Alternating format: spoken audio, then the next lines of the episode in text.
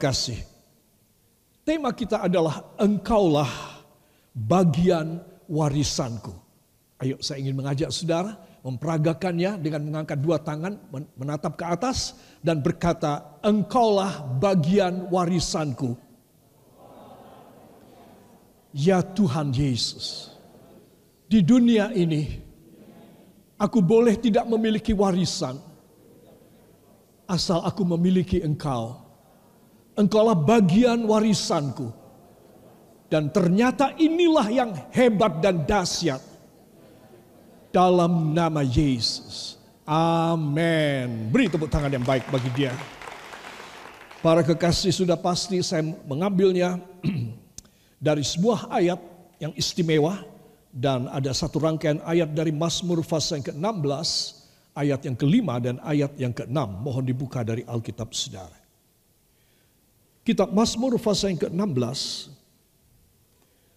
ayat yang kelima dan ayat yang keenam para kekasih. Mazmur pasal 16 ayat 5 dan ayat yang ke-6. Kita mulai membaca dengan judulnya lebih dahulu ya. Satu, dua, bahagia orang saleh. Ya Tuhan, engkaulah bagian warisanku dan pialaku. Engkau sendirilah yang meneguhkan bagian yang diundikan kepadaku tali pengukur jatuh bagiku di tempat-tempat yang permai. Ya, milik pusakaku menyenangkan hatiku. Amin. Yang percaya beri tepuk tangan yang meriah bagi dia. Katakan ini luar biasa. Saudara yang kekasih ini luar biasa. Saudara, banyak orang tidak mempunyai warisan. Tidak mendapat sesuatu apa pun dari orang tuanya atau dari nenek moyangnya. Saudara, Ah, itu tidak usah ditangisi. Itu tidak usah digelani. Itu tidak usah bikin orang, bikin Anda dan saya menyesal. Ya saudara, karena kita sebetulnya sudah mempunyai warisan. Dan apa warisan saya dan warisan saudara? Engkau engkaulah bagian warisanku. Ya saudara, jadi Tuhan Yesuslah di zaman perjanjian baru ini, dialah warisan saya, dialah warisan saudara. Mengapa saya dan Anda menjadi kecil hati dalam masa pandemi ini? Banyak orang berkeluh kesah. Nanti rahasianya akan saya sampaikan. Kenapa orang tetap berkeluh kesah? Dia melayani Tuhan. Dia macam saya menyampaikan firman. Sebagai penginjil, sebagai part-timer. Seorang businessman yang melayani Tuhan. Tetapi yang kemudian tidak mengalami berkat. Bahkan menyusut berkatnya di masa yang sulit ini. Saudara, itu bertentangan dengan firman. Saudara, apalagi kalau dia menyampaikan firman Tuhan sebagai seorang full timer, saudara, dan dia tidak mengalami anugerah Tuhan. Tuhan tidak menjadi warisan dia. Tahu artinya warisan? Kalau namanya orang tua mati dan meninggalkan hutang itu bukan warisan. Saudara, tapi kalau orang tua meninggal dan memberikan, mewariskan sesuatu harta kekayaan, bidang-bidang tanah atau bangunan. Saudara, itu warisan. Jadi yang namanya warisan adalah yang membuat perubahan bagi si anak. Katakan perubahan bagi si anak. Malam ini saya ingin riwayat saya berubah. Karena saya mendapat warisan. Angkat tangan saudara. Karena saya mendapat warisan dari Bapak saya yang di sorga. Amin. Jadi saudara mesti yakin. Kalau warisan berarti berharga. Warisan berarti membuat sejarah si anak berubah. Saudara. Dan bayangkan kalau dia menjadi bapak saya, bapak anda. Saudara, dia mewariskan sesuatu yang dahsyat di dalam hidup saudara. Dan itu sebabnya kalau saudara mempunyai dia sebagai warisan saudara. Engkau akan menghadapi hari depan, hari tua, kematianmu dengan gagah perkasa, engkau tidak akan pernah menangis oleh sebab apa pun. Kenapa? Karena engkau memiliki warisan. Yang percaya, beri tepuk tangan bagi dia. Haleluya. Itu ayat yang kelima ya saudara. Petang ini saya akan menyampaikan dua ayat yang luar biasa. Dan yang kedua ayat yang keenam. Perhatikan ya saudara. Tali pengukur jatuh bagiku. Ya, di tempat-tempat yang permai. Saudara yang kasih warisan itu hak. Saudara, sekarang pelaksanaannya, sekarang pengejauhan tahannya, realitanya apa? Masih ingat hari Minggu kemarin saya menyampaikan tentang permanent reality. Yaitu realitas, realitas yang permanen, yang kekal, yang berlanjut terus menerus. Sampai kita mati, itu permanen. Saudara, nah inilah tali pengukur. Zaman dulu ya tidak bisa tidak mempunyai ilmu trigoniometri yang bisa mengukur luas tanah yang bentuknya enggak karu-karuan. Bisa tepat luasnya seperti zaman sekarang. Saudara, digambar aja dalam laptop orang denahnya masing-masing berapa meter akan ketemu semua. Hasil luasnya berapa meter persegi. Yang kalau orang harus secara manual menghitungnya rumit sekali dan sulit. Zaman dulu tidak. Zaman dulu orang membagi warisan dengan tali pengukur saudara. Ya, si ayah berkata, tarik ke sana. Stop, jangan terus sampai sana. Ya, ke selatan. Saudara, orang hanya tahu panjang dan lebar. Saudara, hanya square saja. Menghitung panjang kali lebar. Saudara, ketika anaknya berjalan membawa tali ke sana, stop sampai di sana. Nah, ini panjang, itu lebar, milik kamu A. Terus dia minta si B, ayo B pegang tali ini. Kamu jalan ke sana, ke timur. Terus, terus, terus. Si B berhenti, si anak ini. Jangan berhenti, terus. Dalam hatinya, kok panjang sekali. Ayah hendak keliru. Sudah ayah sampai di sini, tidak terus, kamu terus. Kurang jauh. Stop. Terus kamu ke selatan. Terus, sudah cukup ayah? Belum. Terus. Si B mendapatkan tanah yang lebih luas daripada si A tadi. Sudah. Tali pengukur yang diukurkan disebutkan dalam ayat yang ke-6. Bagianku jatuh pada tempat-tempat yang permai. Kenapa si ayah mengatakan terus? Karena si ayah melihat itu ada jurang. Ya tidak boleh dia berhenti di situ. Rugi dia tidak bisa dikerjakan. Terus melewati jurang. Terus. Terus. Wah si anak sambil berjalan. Menarik itu terus sampai sekian ratus meter. Saudara. Dan dia melihat ayahku membagi bagiku tempat yang subur. Ada anak sungainya, ada padang rumputnya, ada bukitnya. ya Yang hijau, yang menyenangkan. Tempat yang permai buat aku si A dalam hati, kenapa ayah membagi aku sedikit dan bagian yang kurang yang kurang bagus, yang tidak subur. Si A dapat tempat yang tidak permai, bagian tidak permai, tapi si B dapat bagian yang luas, besar dan permai. Saudara, kita tidak tahu, kita tidak bisa menjawab. Itu adalah rahasia si Bapak. Kenapa bisa demikian? Saudara yang kekasih, dengan pendahuluan ini saya ingin saudara mengarah kepada Bapa kita yang baik di sorga. Engkau dan saya harus ambil hati dia. Tidak ada cara mujizat bisa terjadi pada seseorang. Kalau orang ini tidak bisa ambil hati Tuhan dan hanya menyakiti hati Allah. Hanya menjengkelkan saja hati Tuhan. Dia tidak dapat tempat yang permai. Tali pengukur bahkan sepanjang tali pengukur pun belum sampai penguk, tali ini ditarik habis. Baru separuh saja tarik, stop, cukup sampai di situ. Terus ke, ke selatan, belum sampai ini tali habis, stop sampai di sana. Aduh, si anak pasti menangis, si anak pasti gelo sekali. Dia tidak bisa bikin apa pun. Ini harta ayah.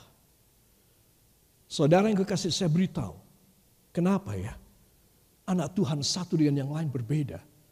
Saudara. Saya tidak bilang ini dalam bentuk nominal harta. Evaluasi. Maksud saya valuasi daripada harta bendanya. Kalau dievaluasikan dengan uang, dengan emas, atau dengan saham, berapa berapa banyak dia punya. Bukan itu. Tetapi saudara mesti tahu nanti dari pelajaran ini bagian warisan kita ini adalah pelaksanaan setiap janji yang positif dari firman harus menjadi bagian saudara, harus jadi bagian saya. Dan barulah kita membuktikan bahwa kita mempunyai permanent reality dalam hidup kita. Yaitu realita yang permanen. Bapakku benar-benar memberi warisan yang permanen kepadaku. Seperti apa pun aku bodohnya. Tidak punya modal seperti apa pun. Dihina orang seperti apa pun. Tapi karena aku bisa ambil hati Bapa yang di sorga. Maka Bapa mengaruniakan kepadaku warisan. Kalau tali pengukurnya aku disuruh mengukurkan. Semula aku pikir meluruskan dari si A begini. Eh jangan kata si ayah. Terus kamu ke selatan. Bukan di situ. Ayahnya memilihkan tempat yang permai. Setelah dia lebih ke selatan, nah mulai kamu ukur ke sana. Ayahnya menghindarkan tempat-tempat yang berbahaya, tempat-tempat yang tandus, tempat-tempat yang berbahaya. Ayahnya memilihkan tempat yang bagus bagi si B. Ini satu contoh saudara. Itu sebab sekarang masalahnya adalah masalah saya, masalah Anda, masalah semua pendeta, masalah semua anak Tuhan adalah tidak pandai-pandai ambil hati Bapak. Seorang anak Tuhan dia pandai mengambil hati Tuhan. Seorang abdi Allah dia pandai mengambil hati Tuhan. Tuhan sangat berkemurahan kepada dia di dalam segala perkara. Itu sebab kita mau belajar bagaimana ini bisa demikian. Ya, pertama ayat 5, engkaulah warisanku. Kedua ayat 6, tali pengukurku. Saudara. Jadi ini luar biasa. Ayat 5 harus Anda dan saya miliki lebih dulu. Hak, katakan hak warisan saya. Harus pasti. Saya tidak boleh bimbang. Hak tersebut tidak boleh lepas. Saya harus beres dengan hak saya. Jadi ayat 5 ini penting. Karena kemudian Tuhan akan memberi kepada kita pengukuran, pengukuran. Saudara. Dan pengukuran menunjukkan kepada proporsi kita, volume kita. Ya, itu sebab para kekasih, marilah kita akan melihat dalam Alkitab apa sih maunya Tuhan dengan ayat ini. Saudara sekali lagi kita akan baca ayat yang kelima ini. Satu, dua. Ya Tuhan, engkaulah bagian warisanku dan pialaku. Engkau sendirilah yang meneguhkan bagian yang diundikan kepadaku. Amin. Para kekasih luar biasa ya. Engkau sendirilah. Saya mau tanya siapa? Tuhan Yesus. Pada zaman kita Tuhan Yesus. Pada zaman dulu Allah Yehova. Engkau sendirilah yang meneguhkan bagian yang diundikan kepadaku. Saudara yang kekasih, ini bukan kemauan anak, ini adalah kemauan ayah. Ya, ini kemauan bapak. Jadi sekarang rahasianya bukan pada si anak. Anak hanya percaya, anak hanya ngawulo, anak hanya melayani papahnya.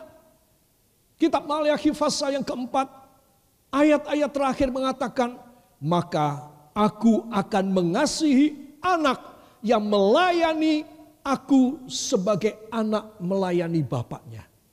Bukan sebagai pegawai melayani bosnya. Itu beda. Anak melayani ayahnya. Itu beda dengan pegawai melayani direkturnya. Saudara. Kalau saudara menjadi seorang pegawai, saudara seorang karyawan, saudara dengan direktur saudara, dengan bos saudara, saudara yang kau tidak total. Ya, enak aja kamu yang punya, aku suruh jungkir balik kayak begini. Hanya pegawai yang bodoh jungkir balik untuk bosnya. Saya bilang, pegawai yang bodoh yang jungkir balik untuk bosnya. Saudara. Tetapi kalau saudara bekerja kepada ayah saudara, saudara saya kasih tahu, engkau tidak hitung waktu dan jam. Engkau tidak hitung, engkau harus pulang sekarang, engkau punya acara, engkau sudah capek. Di mana ayahmu membutuhkan, engkau akan bekerja. Pelajaran ini penting sekali. Orang ambil hati bapak. Kayak apa? Seperti saudara ambil hati ayah saudara. Saudara. Dan ini penting sekali. Ya Tuhan, engkaulah bagian warisanku dan pialaku. Saya tidak akan uh, mendeskripsikan mengenai soal piala. Engkau sendirilah yang meneguhkan bagian yang diundikan kepadaku. Ya, ini juga tidak. Saya fokus pada warisanku. Saudara, warisan inilah yang saya dan Anda harus miliki dalam hidup kita. Ya, perlu saya menyampaikan mensitir dalam ayat Alkitab bahasa Inggris. Oh Lord, you are the portion of my inheritance and my cup. You maintain my Lord. Saudara, di sini kita melihat, oh Tuhan, engkaulah bagian dari warisan. Bahkan kata inheritance ini lebih daripada warisan. Ya, saudara, inheritance ini berarti segala sesuatu yang menjadi milik Bapak. Dan dalam bentuk apa saja. Inheritance lebih menekankan mengenai soal property. Tanah, saudara. Itu inheritance. Dan kata inheritance ini juga mengartikan sorga. Tanah yang bakah, yaitu sorga. Yang bukan tanah di dunia.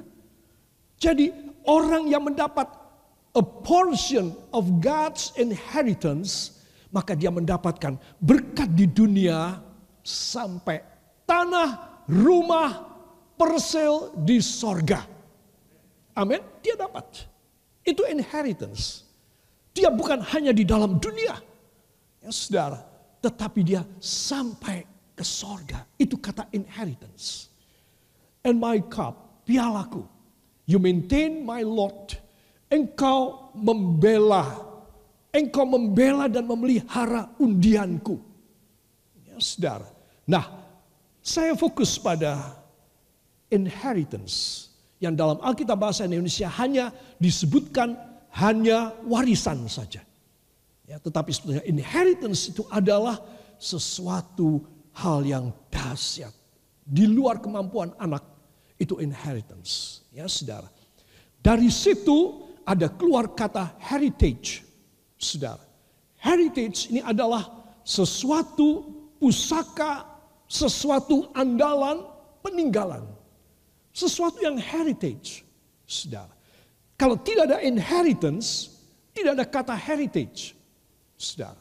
Itu sebab saya dan saudara harus tahu, ya Tuhan, engkaulah bagian warisan hamba.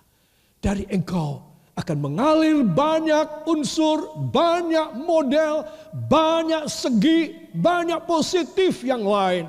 Karena hamba mendapat inheritance dari engkau. Yang percaya, beri tepuk tangan bagi dia. Satu warisan, ya ini akan kita pelajari. Dua piala dan tiga undian. Para kekasih, betapa bahagianya bila kita seperti ayat 6 ini. Ya, lihatlah ini katakan sekeluarga ya, suami istri dengan anak. Ayat yang keenam kita akan baca. Satu, dua. Tali pengukur jatuh bagiku di tempat-tempat yang permai. Ya, milik pusakaku menyenangkan hati. Amin. Milik pusaka saudara bakalnya menyenangkan hati saudara. Orang tua tidak bisa kasih, no problem. Jangan remuk hatimu, tidak usah. Sudah. Mungkin orang tua memang tidak punya dan tidak bisa memberikan pada anak. Tidak semua orang tua mampu demikian. Itu tidak masalah. Karena kita mempunyai perjanjian Allah yang dahsyat. Amin. Sebab disebutkan tali pengukur jatuh bagiku di tempat-tempat yang wow. Saudara suka enggak ayat ini? Ya, siapa yang suka lambaikan tangannya? Katakan terima kasih Bapak tali pengukurmu jatuh bagi hamba di semua tempat yang permai yang kau berikan kepada hamba sebagai warisan dalam nama Yesus. Amin. Haleluya. Kita berhenti sejenak tentang tali pengukur. Ya, para kekasih tali pengukur kita tahu ya, kalau veteran ibu-ibu menjahit ya mengukur ya Ibu-ibu tahu di tali pengukur ini katakanlah ini sesuatu yang ini yang sesuatu yang absolut. Sudah. Ya, kecuali kalau saudara uh, di bidang bangunan, tidak dalam bentuk modiste ataupun tailor, maka tali pengukurnya dari baja, dari steel yang bisa digulung itu ya, itu meteran itu. Saudara, dia tidak bisa memuai terlalu banyak, ya, dia bisa memuai barangkali seper seribu mili ketika panas, dia bisa mengkerut juga. Tetapi itu sudah pasti, itu patokan. Saudara, tali pengukur inilah yang dipakai untuk mengukur. Tali pengukur, kata itu ada 14 kali ditulis di dalam kitab suci kita, dalam Alkitab ini. Ada 14 kali. Saya memilih dua ayat yang mempunyai konotasi yang baik tentang warisan. Yang pertama dalam Yehes, dalam Yesaya, pasal yang ke-34 ayat 17. Jadi saya tulis tali pengukur adalah ketetapan Allah memberkati pilihannya. Katakan ketetapan Bapak saya yang di sorga kepada saya sebagai pilihannya. Ya, bukan sebagai umatnya loh, Saudara. Sebagai pilihannya, ya. Nah, inilah makna rohani dari tali pengukur. Nah, kita akan membaca bersama dalam Yesaya pasal yang ke-34 ayat 17. Satu, dua. Ia sendiri telah membuang undi dan membagi-bagi negeri itu di antara mereka dengan tali pengukur. Mereka akan mendudukinya sampai selama-lamanya dan akan tinggal di situ turun temurun. Amin. Nah, dari ayat ini kita mendapat tahu, saudara, bahwa berkatnya itu adil, ya, bagi yang taat dan yang adil kepadanya. Tuhan akan berlaku adil kepada orang yang adil kepadanya. Saudara tahu makna kata adil? Ya, wah maknanya luas sekali. Artinya adil itu apa saudara? Ya jujur, tulus, ya dan memakai rasio yang baik. Ya kalau umpamanya membagi dua, membagi uh, satu roti dibagi dua, jangan seperti si siapa itu yang cerita fabel itu binatang apa yang Ntar aku yang bagi, dicokot dulu sama dia. Oh, ini keberatan, cokot lagi yang sebelah sini. Apa itu binatang apa itu? Ya. Uh, rabbit kalau tidak salah, kelinci atau apa ya. Ah, saudara belum pernah jadi anak anak kecil kelihatannya. Nah, saudara dia tidak adil kan? Dia memakan akhirnya habislah roti yang diparuh jadi dua di dua tangannya. Ya, dan temannya yang minta keadilan cuma ngaplo aja, gak dapat apa-apa. Saudara, Anda dan saya kepada Tuhan harus adil. Katakan, tepuk dada saudara sendiri. Saya kepada Tuhan Yesus harus adil. Selama ini saya tidak adil dalam nama Yesus. Tuhan akan memberi tali pengukur di bagian yang indah dan permai. Itu sebab saya mau adil kepadanya dalam nama Yesus. Amin. Haleluya. Para kekasih ayat yang ke-17 ini menyebutkan ya dalam Yesaya 34 tadi. Ia sendiri telah membuang undi dan membagi-bagi negeri itu di antara mereka dengan tali pengukur. Mereka akan mendudukinya sampai selama-lamanya. Terus kalau Tuhan itu sudah mengukur dengan tali pengukurnya, bagi saya dan bagi Anda tali pengukur jatuh ke tempat permai, semua katakan, maka saya tidak boleh bimbang, khawatir, deg-degan tentang pembagian Tuhan. Saudara, pandemi ini, COVID-19 ini tidak boleh membuat saudara menjadi, wah Tuhan, rencanamu berhenti dong. Rencanamu gagal, rencanamu mandek sekarang ini dengan COVID-19 ini. Terbukti semua apa yang hamba pikirkan, hamba rencanakan dalam agenda, dalam schedule, jadwal, gak bisa dipenuhi Tuhan. Nah, saudara bimbang. Saudara mesti tahu bahwa Tuhan melihat dari sorga tentang masa pandemi ini. Tuhan melihat apa tidak? apa Tuhan tidak lihat? Melihat dong. Kalau saudara percaya dia melihat, kenapa dan saudara dan saya tidak percaya? Sehingga kita menjadi takut dan setiap hari bangun pagi deg-degan terus. Buang keraguan, kebimbangan, ketidakpercayaan saudara dibuang. Orang yang hidup tidak dengan iman, maka dia tidak bisa diberkati oleh Tuhan. Jadi bukan tidak ada kerjaan, bukan tidak ada dagangan, bukan tidak ada modal untuk bisa kulaan. Masalahnya adalah saya tidak percaya kepada dia yang sudah berjanji kepada saya. Saya lebih percaya kepada keadaan di luar yaitu pandemi saat ini. Mau apa aku?